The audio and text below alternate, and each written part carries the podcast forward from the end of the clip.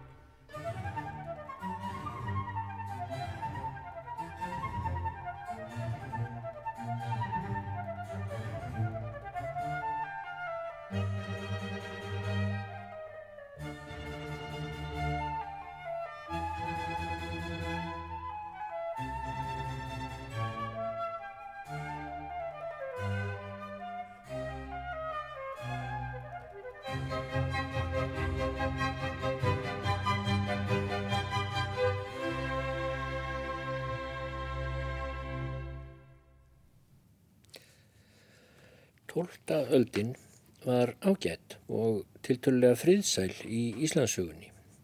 Tíðin var góð á tóltu öld, lífskjör bara með besta móti af því sem gerðist á fyrir tíð og íslensk alþýða hafði meir, en, meir og minna nóg að býta og brenna. Þrælahald var afnumið. Íslenska goðaveldið stóð þá föstum fótum í samfélaginu um miðja öldina var að koma til sögu einhver glæsilegasti fulltrúið þess Jón Loftsson í Otta, dóttursónur Kongsins í Noregi, en kirkjan var líka farin að eflast verulega og seilast inn á svið goðaveldisins og seint á aldinni brutust reyndar út átökmiðli kirkjuvalds og verallegs. En um miðjaöldina var hins vegar allt með friði og spekt. Biskupstólarnir að hólum og skálholti voru þá mjög að eflast og auðgast Stólarnir voru helstu mentastofnanir landsins, eh, ráku sína eigin skóla, þá einu í landinu, fyrir utan þá kennslu sem framfóra á stærstu höfðingjasetrunum og auk þess hafði Þingeyraklaustur verið stopnað árið 1133. Árið 1152 varð Klængur Þorsteinsson biskup í Skálholti og var gott dæmi um hinn að metnaðarfullu kirkjuhöfðingja 12. aldar Hann let reysa á staðnum nýja og vandaða kirkju af stórviðum sem sylt var með hingað úr Noregi á tveimur skipum og príða kirkjuna með glæsi brag, gera henni gullkalik, setta hann gimsteinum og rita henni guðspækur betri en áður voru til. Um samabil var Björn nokkur Gilsson, biskup á Hólum og hafði verið frá 1147. Björn var maður á besta aldri, aðtorkusamur og þótti hafa sérlega góða stjórn á fjárhag biskupstólsins.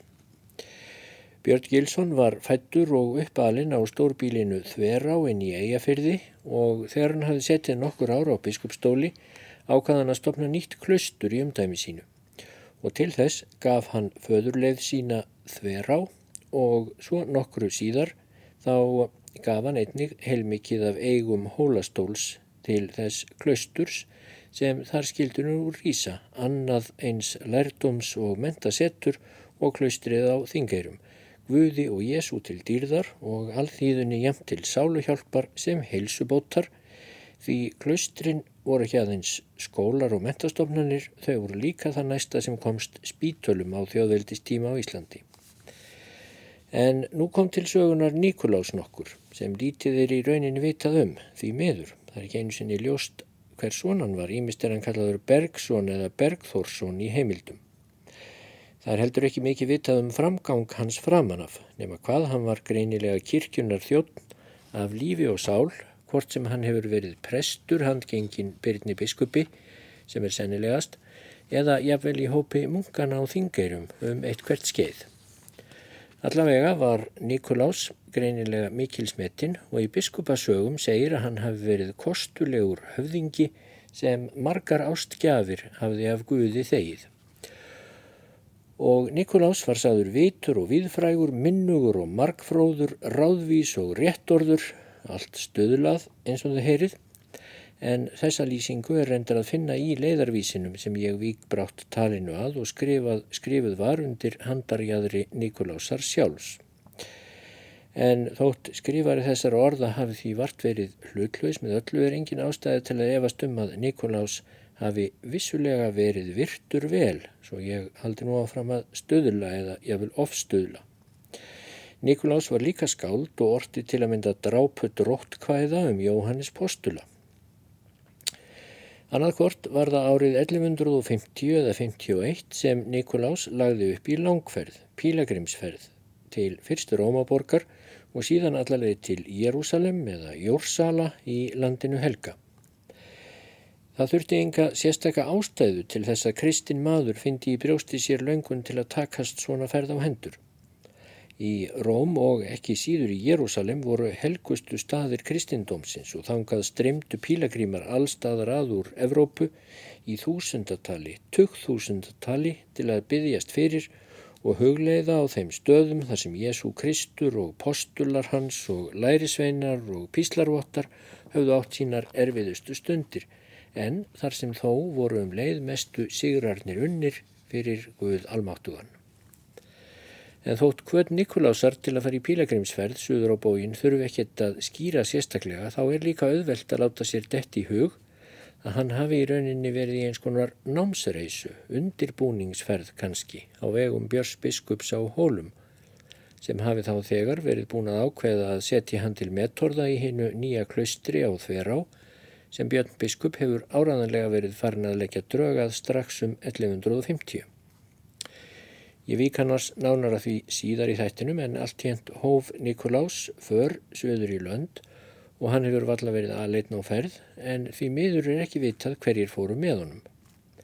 Hitt er vitað að hann skrifaði við heimkomuna til Íslands tveim eða kannski þrem árum eftir að hann lagði upp eins konar ferðalýsingu eða leiðarvísi og borga skipan eins og reitsmíðin heitir fullu nafni og líklega las hann einhverjum fyrir frekarinn að hann hafi skrifað þetta sjálfur ímislegt bendir til þess. Því miður er ekki hægt að segja að leiðarvísirinn sé ferðasaga. Betur að Nikolás hefði séð ástæðu til að lýsa ferðinni miklu nákvæmar en hann gerir, þá fyrst og fremst sínum eigin upplifunum og félaga sinna.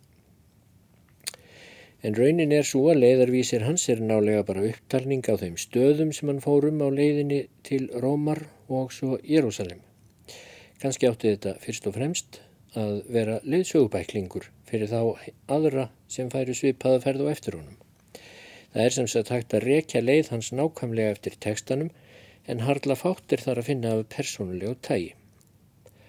Þó er einu eina aðtóisemt í leiðarvísinum sem sínir hvað íslenskum ferðalangi hefur þótt allra merkilegast á svo langri og framandlegri leið og það má líka þrátt fyrir allt lesa ýmislegt um ferðina og þær slóðir sem Nikolás fór út úr leiðarvísi hans.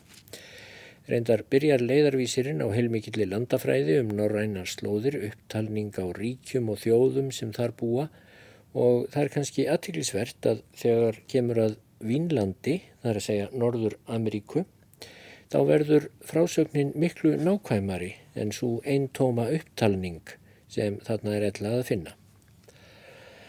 Svo segir í leiðarvísinum, Suður frá Grænlandi er helluland, þá er markland og þá er eigi langt til Vínlands hins góða er sumir menn ætla að gangi af Afríka og ef svo er þá er úthaf innfallanda á milli Vínlands og Marklands.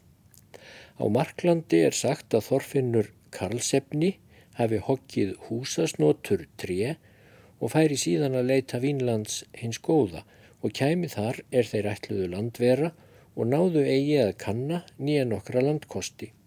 Leifur hinn hefni fann fyrstur Vínland.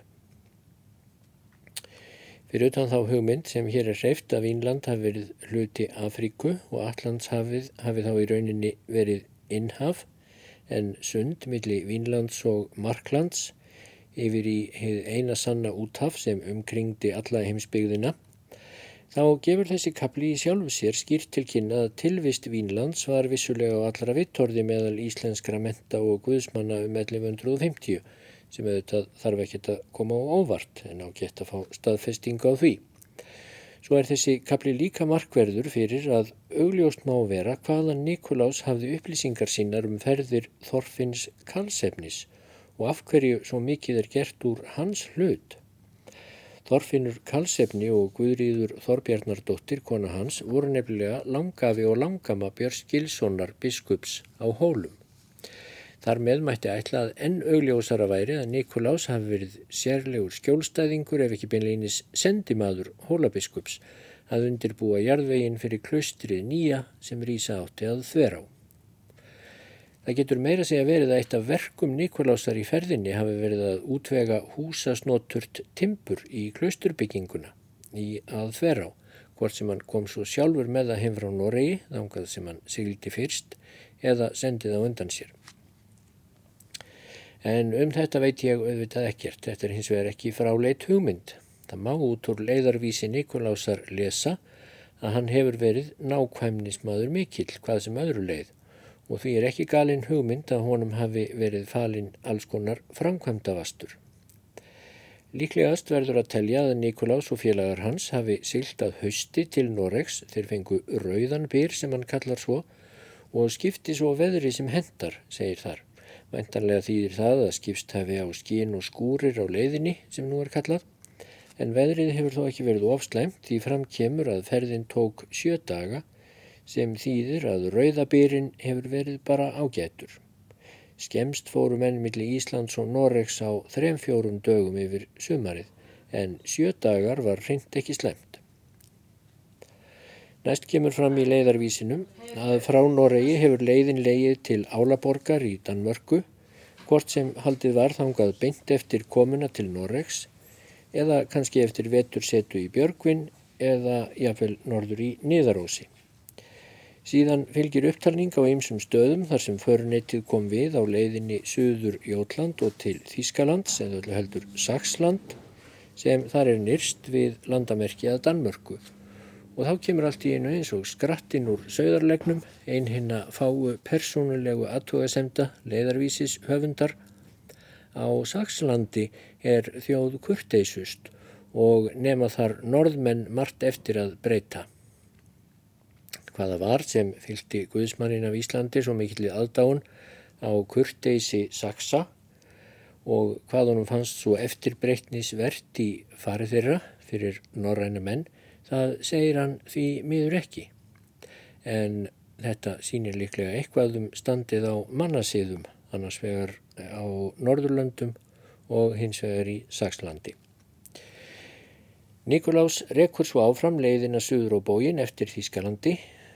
Þetta er yfirleitt bara bláköld upptalning en þó getur Nikolás stór viðburða á fáinnum stöðum við þorpið Kíliander, segir hann að sé gnita heiði þar sem hetjan Sigurður vóg drekan fápni og það sýnir að Nikolás hefur verið vel að sér í fornum germönskum þjóðsögum og góðsögum, ettukvæðum og uh, þess áttar.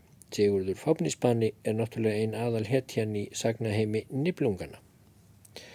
Setna nefnir Nikolás í sama dúr að leiðin líki um Vívilsborg en þar hafi verið mikil borg áður en sínir vikingahöfðingjans Ragnars loðbrókar brutu hana en hún er nú lítil, segir Nikolás.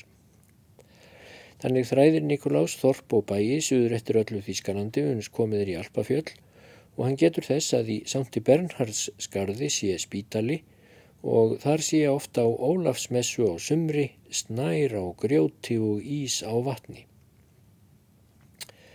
Þetta þýðir að þarna hafa þeir Nikolás verið á ferð sent í júli, því væntanlega er átt við Ólásmessu 29. júli og þá hefur sem sagt verið heldur ráslagalegt og kallt um að litast í skarðinu. en Sankti Bernharskar tilherir nú ríkinu Sviss en er nánast við landamæri Ítalíu. Hún hlýtur að hafa verið nokkuð ískikileg þessi ferð söður eftir Þískalandi sem þarna var að ljúka. Þískaland var ennari allt skói vaksið og þeir skóar voru dimmir. Allstaðar mátti búast við stigamönnum sem sátum ferðamenn og pílagríma. Þeir höfðu að vísu stuðning hver af öðrum, ferðalangar og pílagrímar og fyrstar og barúnar og lénsherrar ímsir höfðu varðsveitir á sveimi. Pílagrímatnir voru nefnilega ábatasamir. Þeir þurfti að kaupa sér gistingu á leiðinni og fá eitthvað að geta og drekka svo það var um að gera haldi í þeim lífinu og láti ekki árástir stigamanna eiðilegja ferðamannaströmin. En þrátt fyrir varðsveitir og upplýstar krár og gistihús kvarvetna sem lág eftir allir í leiðinni sem pílagrímatnir fóru þá hlýtur þeim nú samt ofta að hafa litist ítla á blikuna þegar þýsku skóarnir voru sem dimmastir eða fjálslíðar alpanna brattastar og engin vissi hvað var bak við næsta leiti. En að lokum eru skóarnir og síðan fjöllin að baki. Leiðin likur niður á við. Einhver staðar blíkaði brátt blátt haf onur fjöllunum og Íslendingarnir þrömmuðu niður í Pódalinn með viðkomi í borgunum Pavia og Piacenza. Sem fyrir er frásögnin þurr og stuttarleg en svo kemur allt í einu Suður frá Piacenza er dagför til Domnaborgar, þar er Eiríks spítali á milli, þar er á, er tar heitir, hún er mikið vatn og skýrt og hún sörgast aldrei nýja blömgast því þar sekkur til grunna hvert grand og hver saur sem á fljótið er kastað. Ögnsunnar kemur föruneytið niður að heiðbláum miðjarðarhafinu þar sem bærin Lúni eða Lúna eins og Nikolás kallar hann er. Og þá segir þar er Lúna, þar eru Lúna og Sandar hjá borginni, þar eru tíu mílur að fara um þá faguru sanda og öllum megin borgir og er þangað viðsýnt. Í lúnu kalla sumir menn ormgarð þann verið hafa er Gunnar, sonur Guðrúnar Gjúkadóttur, var settur í af alla húnakonungi, en Gunnar leik þá á hörpu til að svæfa ormana en eitt þeirra náðu um síðir að býta hetju þá úr ettukvæðum svo á hann fjell. En er Nikolás meira með hugan við fornar norrænar sögur heldur en kristinfræði. En þó Strax í næstu setningu nefnir hann að aðeins dagleið sé frá Lúnu til borgarinnar Lútsja. Þar er biskupstól með Marjukirkju og þar er Róðukross sá sem Nikodemus farisei lærisveitin Jésu létt gera og er líkneskjan á krossinum gjörð eftir Guði sjálfum. Líkneskjan hefur tvísar sinnum mælt orð frá vörum, skrifar Nikolás. Annað sinn gaf hún skó sína auðmum manni en annað sinn bar hún vittni rægðum manni. Og betur að frelsarinn leti oftar að sér kveða, en uh, það er nú önnur saga. Áfram heldur ferðin, Nikolás getur þess að söður frá Lútsja sé bærin Písa, þangað stefni kaupmenn, margir vörum úr skipum sínum, drómundum sem Nikolás kallar svo, og séu drómundar komnir af Gríklandi og Sikilei og þar í Písa séu Egiptalandsmenn, sírlendskir menn og Afríkar. Og það má geta þess að eh, Nikolás hefur ekki geta farið að skoða skakaturnin í Písa þótt hann ætti þar leiðum því hann hafði ekki enn verið reistur. En Nikolás hrifst svo mjög af borginni Siena þar fyrir sunnan. Það er góð borg, segir hann, og svo, sem kemur kannski svo litið á óvart af Guðismanninum, Þar eru konur vænstar. Kanski lendir Nikolás þar í einhverju ævintýri sem hann gefur þannig svo gladlega í skín. En sunnar farðir yfir fjallir Klemund heitir. Þar er kastali á uppi sem heitir Malamúlier, það þýðir Íllkona og þar býr hinn versta þjóð.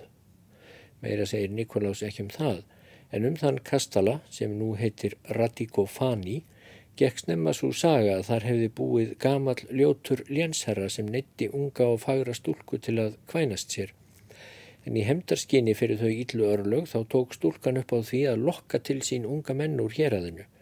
Það var henni auðvelt því hún var íðilfögur og íturvaksinn en þegar ungumenninir heldu að þeir ættu í vændum nótt með kastalafrónni, ungu og fögru þá drap hún þá, verkaði þá, skarði þá í búta, hengdi þá upp og þurkaði og gaf síðan sínum ljóta kalli að geta. Það segi sig sjálft að þegar hann komst að þessu drap hann konunum sína fögru en letvist svo ekki matar bita inn fyrir sínar varir framar og dó úr hungri. Þessa sögu segir Nikolás ekki í leiðarvísi sínum, hann má ekki vera því, því nú sér hann loks til sjálfrar Rómaborgar. Nú er ekki setna vætna að segja öllíti frá því sem á segði var í Róm um það leiti sem Nikolás og félagar komið þangað. Í borginni og nákrenni hennar var Pávin hæ hæstráðandi og hafði verið um aldir. Það var á grundvelli falsaðs skjáls sem heita átti að Konstantín keisari Mikli hefði skrifað undir í byrjun fjórðualdar um það byl sem Konstantín gerði kristindómin húsum hæfan í Rómaveldi.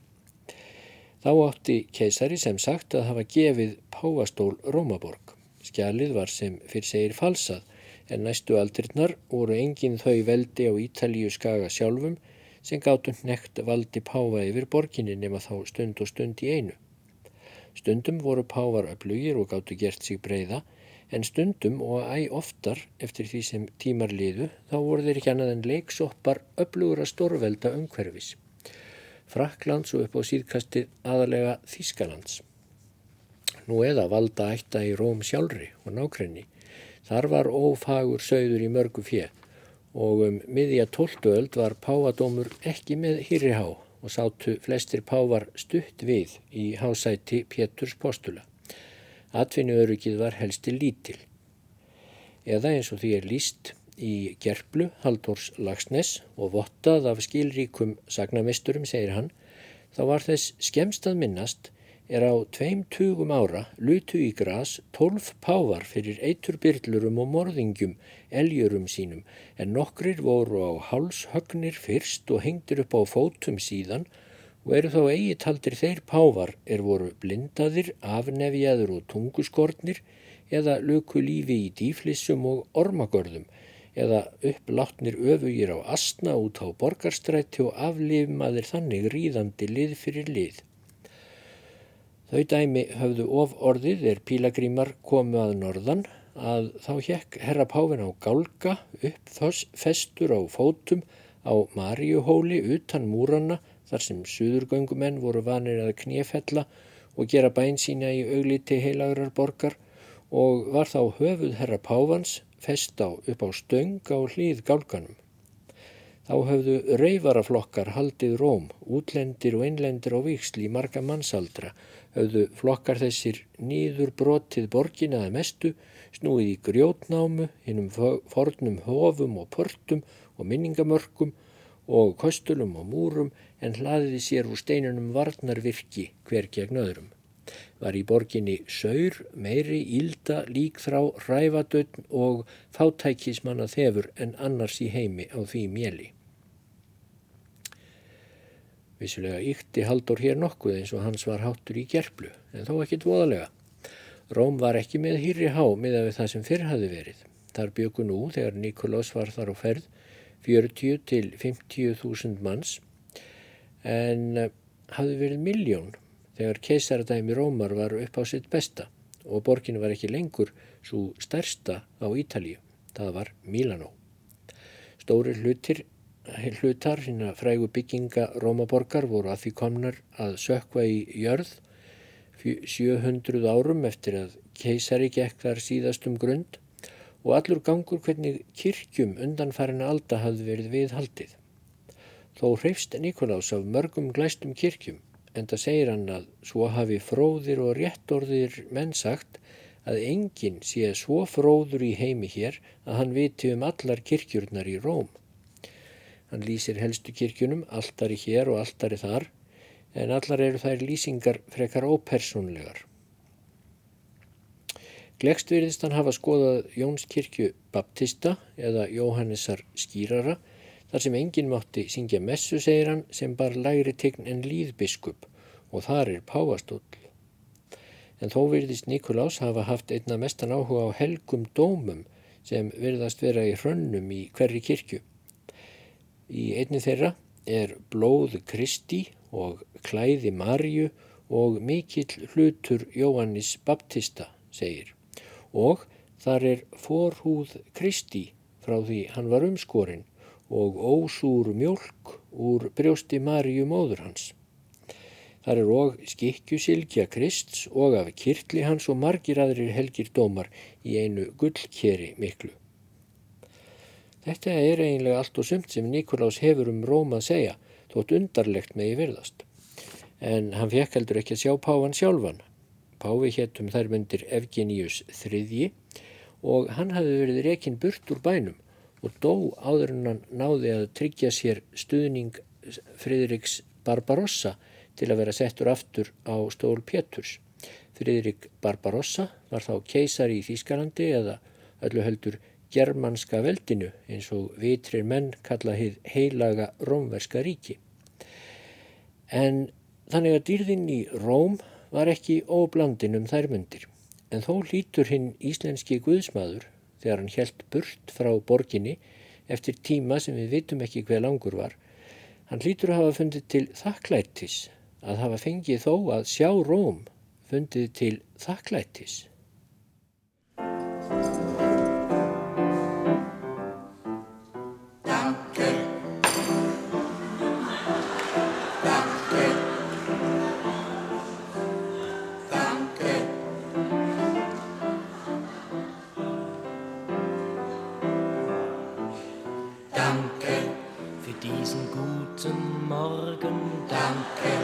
für jeden neuen Tag.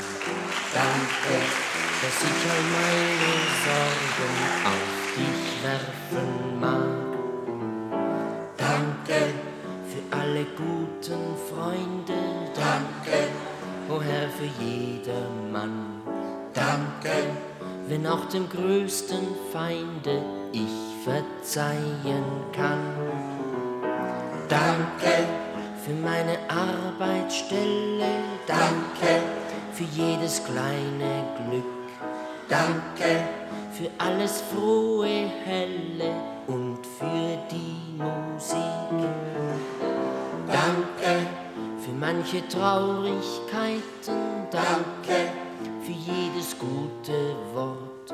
Danke, dass deine Hand mich leiten will an jeden Ort. Danke, dass ich dein Wort verstehe. Danke, dass deinen Geist du gibst. Danke, dass in der Fern und Nähe du die Menschen liebst. Danke, dein Heil kennt keine Schranken. Danke ich halt mich fest daran. Danke, ach Herr, ich will dir danken, dass ich danken kann. Danke für diesen guten Morgen, danke für jeden neuen Tag. Danke, dass ich all meine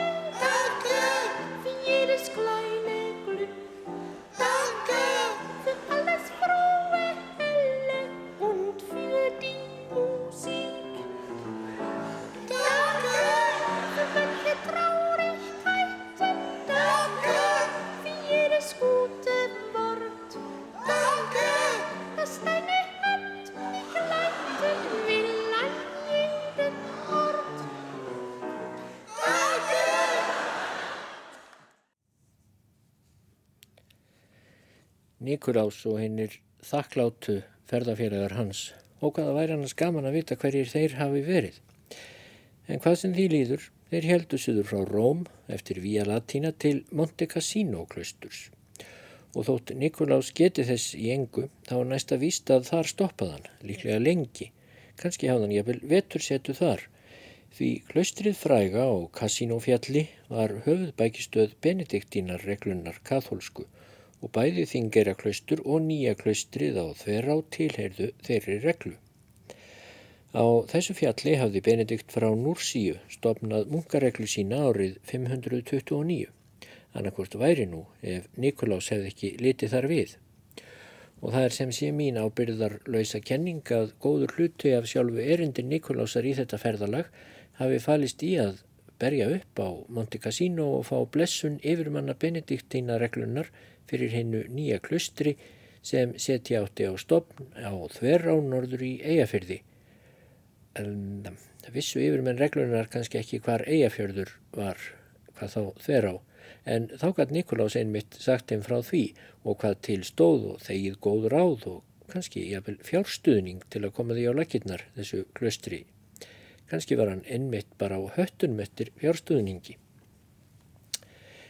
En hver lengi sem Nikolás staldraði við og hvað sem hann spjallaði við æðstumenn reglunnar í Monte Cassino þá lág leiðin næst yfir Ítalíuskagan og Appenínafjöll, sennilega til Bari og þaðan yfir Adriahaf, til bæjar sem nú heitir Durres í Albaníu. Var að Þá var að finna skip sem vildi flytja ferðalangana til landsins Helga svo hann kemist til Jórsalaborgar að vitja helgistaða frelsarans. Pílagrímsferðir kristinumanna til Jérúsalem og annara helgistaða í Palestínu höfðu hafist næri strax og kristindómurinn komst á legg og varð aðsti draumur hvers sann kristins manns að komast hangað einu sinni á efinni. Þegar þriðjungur var af sjööndu öld brá svo við að Arabar sunnan af Arabíuskaga lögðu landið helga undir sig og breyttu þar út nýja trú og þótti kristnumönnum það súrt í broti þótt reyndar ömuðist hinnir nýju herrarborgarinnar, múslimar, yfirleitt ekkert við kristnum pílagrímum. Þvert á móti var pílagrímum oft, oftast fagnað en það voru þeir góður business, ekkert síður fyrir múslima en fyrsta í Þískalandi. Undan og flestir gladir við sitt um skeið. Þó brá svo við af ímsum floknum ástæðum að rétt í lok 11. aldar fóru evrópskir stórhauðingjar, flestir frakkar, flæmingjar, slæðingur á ítölum, eitthvað á þjóðurum. Þeir stemdu heilum herraustur til Palestínu og náðu eftir harmkvæli ímis að leggja hér aðið undir sig og höfðust stopna þar sannkristið ríki með þungamiðju í Jórsalaborg en ekki gáttu þeir komið sér betur saman en svo að úrörðu nokkur smáríki eitt í Antíokkíu, annað í Edessa í Sýrlandi, það þriðja á mesta í Jérúsalem og nákrenni. Nú fagnuð allir í kristindómnum því að krossfáni blakti nú á nýi yfir gravarkirkju Krists í Jérúsalem og frá Albaníu tók Nikolás sér far með skipi sem sigildi söður með strönd Balkanskaga og söður fyrir Pelopskaga síðan yfir Eyjahafið til Rótos og upp að Tyrklandströnd núverandi sem þá var enn hluti hins grískumælandi Bísansríkis. Nikolás virðist hafa komið við á eiginu Castellórisson en svo fór hann áfram til Kýpur. Ekki getur hann um neitt sérstakt á því ferðalagi og hefur líklega notið þess að ofinju lítið var um sjóraningi á þessum slóðum þau misseri vegna þess að árin á undan hafði önnur krossferðin svo nefnda staðið sem hæst og mikil skipaðumferð Evrópumanna hafði upprætt sjóraningja sem annars voru landlægir á þessum slóðum um aldir, nú eða allavega hrækið á ei felur. Allt jænt lendi förunettið í Akre sem nú er einn nýrsti bær Ísraels ríkis en var þá mikilvægasta Hafnarborg Krossfara-ríkjana. Síðan getur Nikolás um ímsa helgistaði í biblíunni sem hann hefur bersinlega komið við á leiðsynni til Jérúsalem þá ekki síst í Galilegu sem hann hefur greinilega ferðast um og noti þess að þar var líka ofenju lítið um ræningja þessi árin, þeir herjuðu gætnan á pílagríma en krossfararnir hafðu líka rakið þá á brott. Og svo var endar búið að stopna sérstakar rittarreglur til að vernda pílagrímana, musteris rittararnir voru þar helstir og Jóhannesar. Ekkert segir Nikolás því miður af þeim ritturum en frá Galileu fór hann suður um borgina Nablus til höfuborgarinnar Jérúsalem. Það hefur valla verið síðri upplifun fyrir uh, Guðsmannin og af Íslandi að nálgast hæðir Jérúsalem en hæðir Rómar nokkrum vikum fyrr eða kannski heilu ári. Fólk hefur hvarvetna verið á ferð eftir vegunum sem láguð Jérúsalem þar sem hún trónaði á hæstu hæðinni og gnæfði upp úr trjálundum og engjum, hyrðar á ferð með hjarðir sínar, svo það hefur blasað við Nikolási hvaðan frelsarin Jésu Kristur hafði myndmálið úr svo mörgum dæmisögum sínum, hann góði hyrðirinn og þótt að tæki í hvern vöðva að þramma upp og niður brattar hæðirnar og veginna að Jérúsalem, þá hefur þreytan liðið úr skroknum og hjartslátturinn hert á sér eftir því sem múrarnir færðust nær og borgin, ágætust borga allra í heimi, segir beinleinis í leiðarvísi Nikolásar og ennfremur, Um hana er hvarvetna sungið um alla kristni, því þar sér enn stórmerki píslar krists. Þar er kirkja svo, er gröf drottins var í og staður sá er kross drottins stóð. Þar sér glögt blóð krists á steini sem nýblætt væri og svo mun það vera til domstags. Þess má geta að þótt ótal lýsingar pílagríma séu til af gravarkirkjunu í Jérúsalem og nákrenni, þá er fyrrnemd klausa Nikolásar svo eina fyrir utan frásögn Bílagrims frá Piacenza um árið 570 þar sem talaður um að óþornað blóð Krists megi sjá á steini á Golgatahæð þar sem Jésúa var krossfestur. Það er að mista kosti nýðurstað Joyce Hill sem skrifaði um ferð Nikolásar í Guðfræði tímaritt Harvard Háskóla 1983. Af því má ljóst vera að það er Nikolás sjálfur sem hefur talið sig sjáhið óþornaða blóð frelsara síns, hann er ekki einungis að enduróma gamla helgisögu. Hill segir að auðvelt sé að ímynda sér hvernig Nikolás hefur fengið þessa hugmynd vegna þess að rauðleitar yrjur séu í steinum á Golgatahæð og það hefur Nikolási þótt svipa til óstorknaðs blóðs. Þá getur Nikolás þess að gravarkirkja Krists í Jérúsalem sé bókstaflega miðpuntur heimsins. Þar er mið heimur, segir hann. Þar skín sól jamt úr himni á Jóhannesarmessu. Þá nefnir hann um gravarkirkjuna að þar ná menn ljósi á páskaaftan af himnjóafan. Þar er líst aðtöfn sem framfóra á páskum og kölluð var hinn heila í eldur en þá var kveiktur eldur í oljulömpum hátt yfir gröfinni sem þarna var talin vera.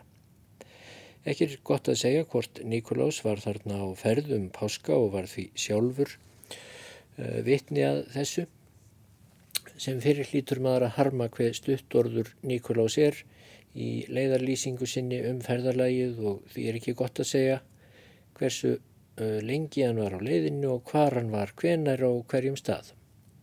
Virkilegur fengur hefði verið að sjónarvætti hans um ástand mála í Jérúsalem. Þar réði nefnilega ríkjum merkileg kjelling, Melisande drottning, kona um 50, heilmikill skörungur. Melisande var af fyrstu kynsloð krossfara sem fætt var í landinu Helga. Hún fættist 1105, dóttir Baldvins annars, konungs í Jérúsalem og armenskrar eiginkonu hans. Baldvin annar átti ekki síni svo Melisande, elsta dóttir hans, var drottning í konungsríkinu Jérúsalem. Hún hafði gengið að eiga franskan aðalsmann sem nú reyndi sjálfur að gerast kongur yfir krossfararíkinu en Melisande hvað eiginmann sinn í Kútin, helt sínum drottningardómi og eiginmaðurinn dóskömmu síðar af slísförum á fálkaveiðum, vendanlega með íslenskan fálka. Melisande ríkti síðan sem drottning og þótti ágættur stjórnandi Hún hafði mikinn áhuga á listum og stutti vel við myndlistarmenn, bókagerðarmenn, skreitilistimenn og fleiri. Einn samtíma sagnarittari skrifaði um Melisandi að hún hef verið mjög vitur kona, þraut reynd á nær öllum sviðum stjórnsíslu nema hernaðar og yfirvann með svo miklum sóma þann galla sem kyn hennar var að hún var réttilega talin hafi verið jafnóki fyrir hennara sinna af karlkinni. Þegar krossfararíkið Edessa í norður hluta Sýrlands fjall í hendur Tyrkja árið 1144 bað Melisande um hjálp frá páfanum í Róm og önnur krossferðin fyrir nefnda var blásin á 1147 einmitt til að endurheimta Edessa. Henni stýrðu Konráð Þískarlands keisari eða germanska veldis keisari og Lóðvík sjöndi frakkakongur sem mætti austur með bæði hersinn og þáverandi eiginkonu Elinóru hinnu fræga af Akvitaníu. Þessi krossferð skilaði yngum árangri og hennir vestrænu höfðingjar hurfu brátt aftur til Evrópu. Melisande fekk þá nýjan óvinn, annan en Tyrki að glíma við, sem var engin annar en sonur hennar, Baldvin. Hann var orðin myndugur og vildi fá að taka við stjórninni af móður sinni en hún sá enga ástæðu til þess og endaði tókstreita móður og sonar með því að Baldvin, sem nú kallaðist Baldvin III, sendi hér til Jérúsalim til að hrifsa borgina úr höndum móður sinnar og hún þurft að loka sig inn í Davíðsturninum í gömluborgin í Jérúsalem. Þetta var árið 1153, líklega árið sem Nikolás var þar á ferð, en maðginin voru reyndar fljót að grafa stríðsöksina og Baldvin áttaði sig á því að gott var að eiga mömmu að.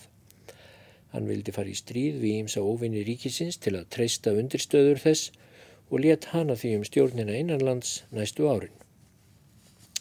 Svo það var í rauninni borg Melísandi drottningar sem Nikolás og ferðarfélagar hans heimsóttu nú. Það var til dæmis hún sem sögð var hafa komið á koppin sérkynlegu stræti þar inn í gömluborginni og kalluð var gata hins bragðvonda matar. Sá matur var náttúrulega fyrst og fremst vondur á bragðið í skilningi evrópskra pílagríma að því að voru heimamenn sem buðan til sölu að sínum hætti með sínu krytti, sínu meðlæti sínu brauði, sínum eldunar aðferðum. Allt mjög framandlegt í munni pílagrímana, en pílagrímanir léttur sig hafa það svangir eftir langt ferðalag, en á nálægum markaði voru líka ymsar gómsættari kynjar sem freystuðu pílagrímana meira. Ávextir af öllu tægi appelsínur, perur, bananar, ferskjur, allt fásið í Evrópu. Því, því miður sá Nikolás ekki ástæðu til að festa á bladi í leðarvísi sínum þá stund þegar hann smakkaði appilsínu í fyrsta sinn í Jérúsalim. En hann nefnir til sögu fjölmarka staði í nákværin Jérúsalim og segir okkur hvað þar hafi gerst samkvæmt biblíunni. Fjórar mílur suður frá er Betlehem, Lítilborg og Fögur. Þar var Kristur borin. Við Jórdan var Jésu skýrður, í landsuður frá Jórsalaborg er vatn það er heitir Dauðasjór, segir hann. Þar sökti Guð niður borgum tveim, Sódóma og Gómorram og þar, fjellur, þar fellur Jórdan á í gegnum dauðasjóin en blandast þó ekki við vötnin því Jórdan er helgað vatn og svo framvegis. Á árbakka Jórdan stendur ein lítil kapella, þar fór Kristur af klæðum sínum og er því kapellan gerð til vittnis þess staðar síðan. Og svo þessi fróðleikur hér, út við jórdan, ef maður líkur opinn á sléttum velli og setur nésitt upp og nefa ofan á og reysir þumalfingur af nefanum, þá er leiðarstjarnar þar yfir að sjá jafnhá en eigi herra. Og allt þetta, öll þessi lýsing bendir til þess, sem fer svo sem ekki milli mála, hver mikinn áhuga, Nikolás hafði á mælingum hvers konar fjarlægðum og landafræði, bæði jarðar og nú heimins líka. En með þessu líkur í raun leiðarlýsingu Nikolásar. Hann nefnir í skyndi leiðina sem hann fór til baka. Það var meir og minna sama leið og hann hafi komið. Hann kom til dæmis við í Róm á bakaleiðinni en nefnir ekkert sérstakt um heimsókn sína þá. En ferðalagið tók 14 vikur til Álaborgar Frá því greinir hann samvinsku samlega þar að segja næstum þrjá og hálfan mánuð. Hvort hann stoppaði á leiðinni frá því segir ekkert, en svo mikið er víst að árið 1155 er hann komin aftur heim til Íslands. Því þá výir Björn Biskup á hólum nýja klaustrið sitt að Þverá, sem síðan heitir Munka Þverá. Og Nikolás Bergson verður þar ábóti í klaustrinu nýja allt til sinna æviloka. Það má ætla að nýmungarnir hafi marga kvöldstundina þývkað ábóta sinn um ferðarlag hans Suður Evrópu og til landsins helga, beðið á að lífga upp á langan munkaþver á, til dæmis með því að segja þeim sögur frá fagru konunum í Síena eða frá kirkjunum í Róm, frá helgistöðunum í landinu Helga. Einhver þeirra skrifaði svo upp eftir honum þessa leiðarlýsingu en ekki nema grind, leiðarvísi og borgaskipan en ekki raunverulega ferða frásögn. Og þó hefur Nikolás kannski skrifað sangallaða ferðafrásögn líka. Það veit maður ekki. Svo frásögn geti hafa glatast. Það lítur að minnst að kosti að hafa freistað mannsins að festa á skinn öll þau undur sem hann sá á söðurferðinni betur en hann gerði í leiðarvísinum. En kannski vannst honum bara ekki tími til þess. Það var mörgu að sinna við að koma á fót nýju klustri og því miður þá lifir Nikolás ekki mjög lengi. Hann þraukaði alltið langa ferðalag frá ysta afkíma Evrópu í norð-vestri yfir álfuna alla og til Jérúsalem og honum var me ekki meint af, ekki einu sinni að finnum bragðvonda mat á götu Melísandi drottningar.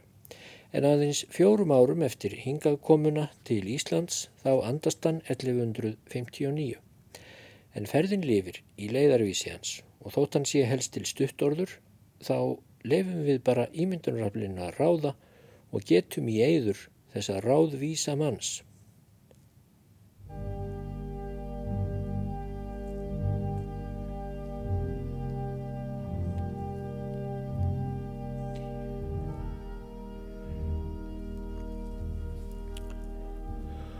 Og Þá er ferð Nikolásar Bergssonar til landsins helga lokið og þættinum lokið og ég byrð hlustendur alla vel og lengi að lifa.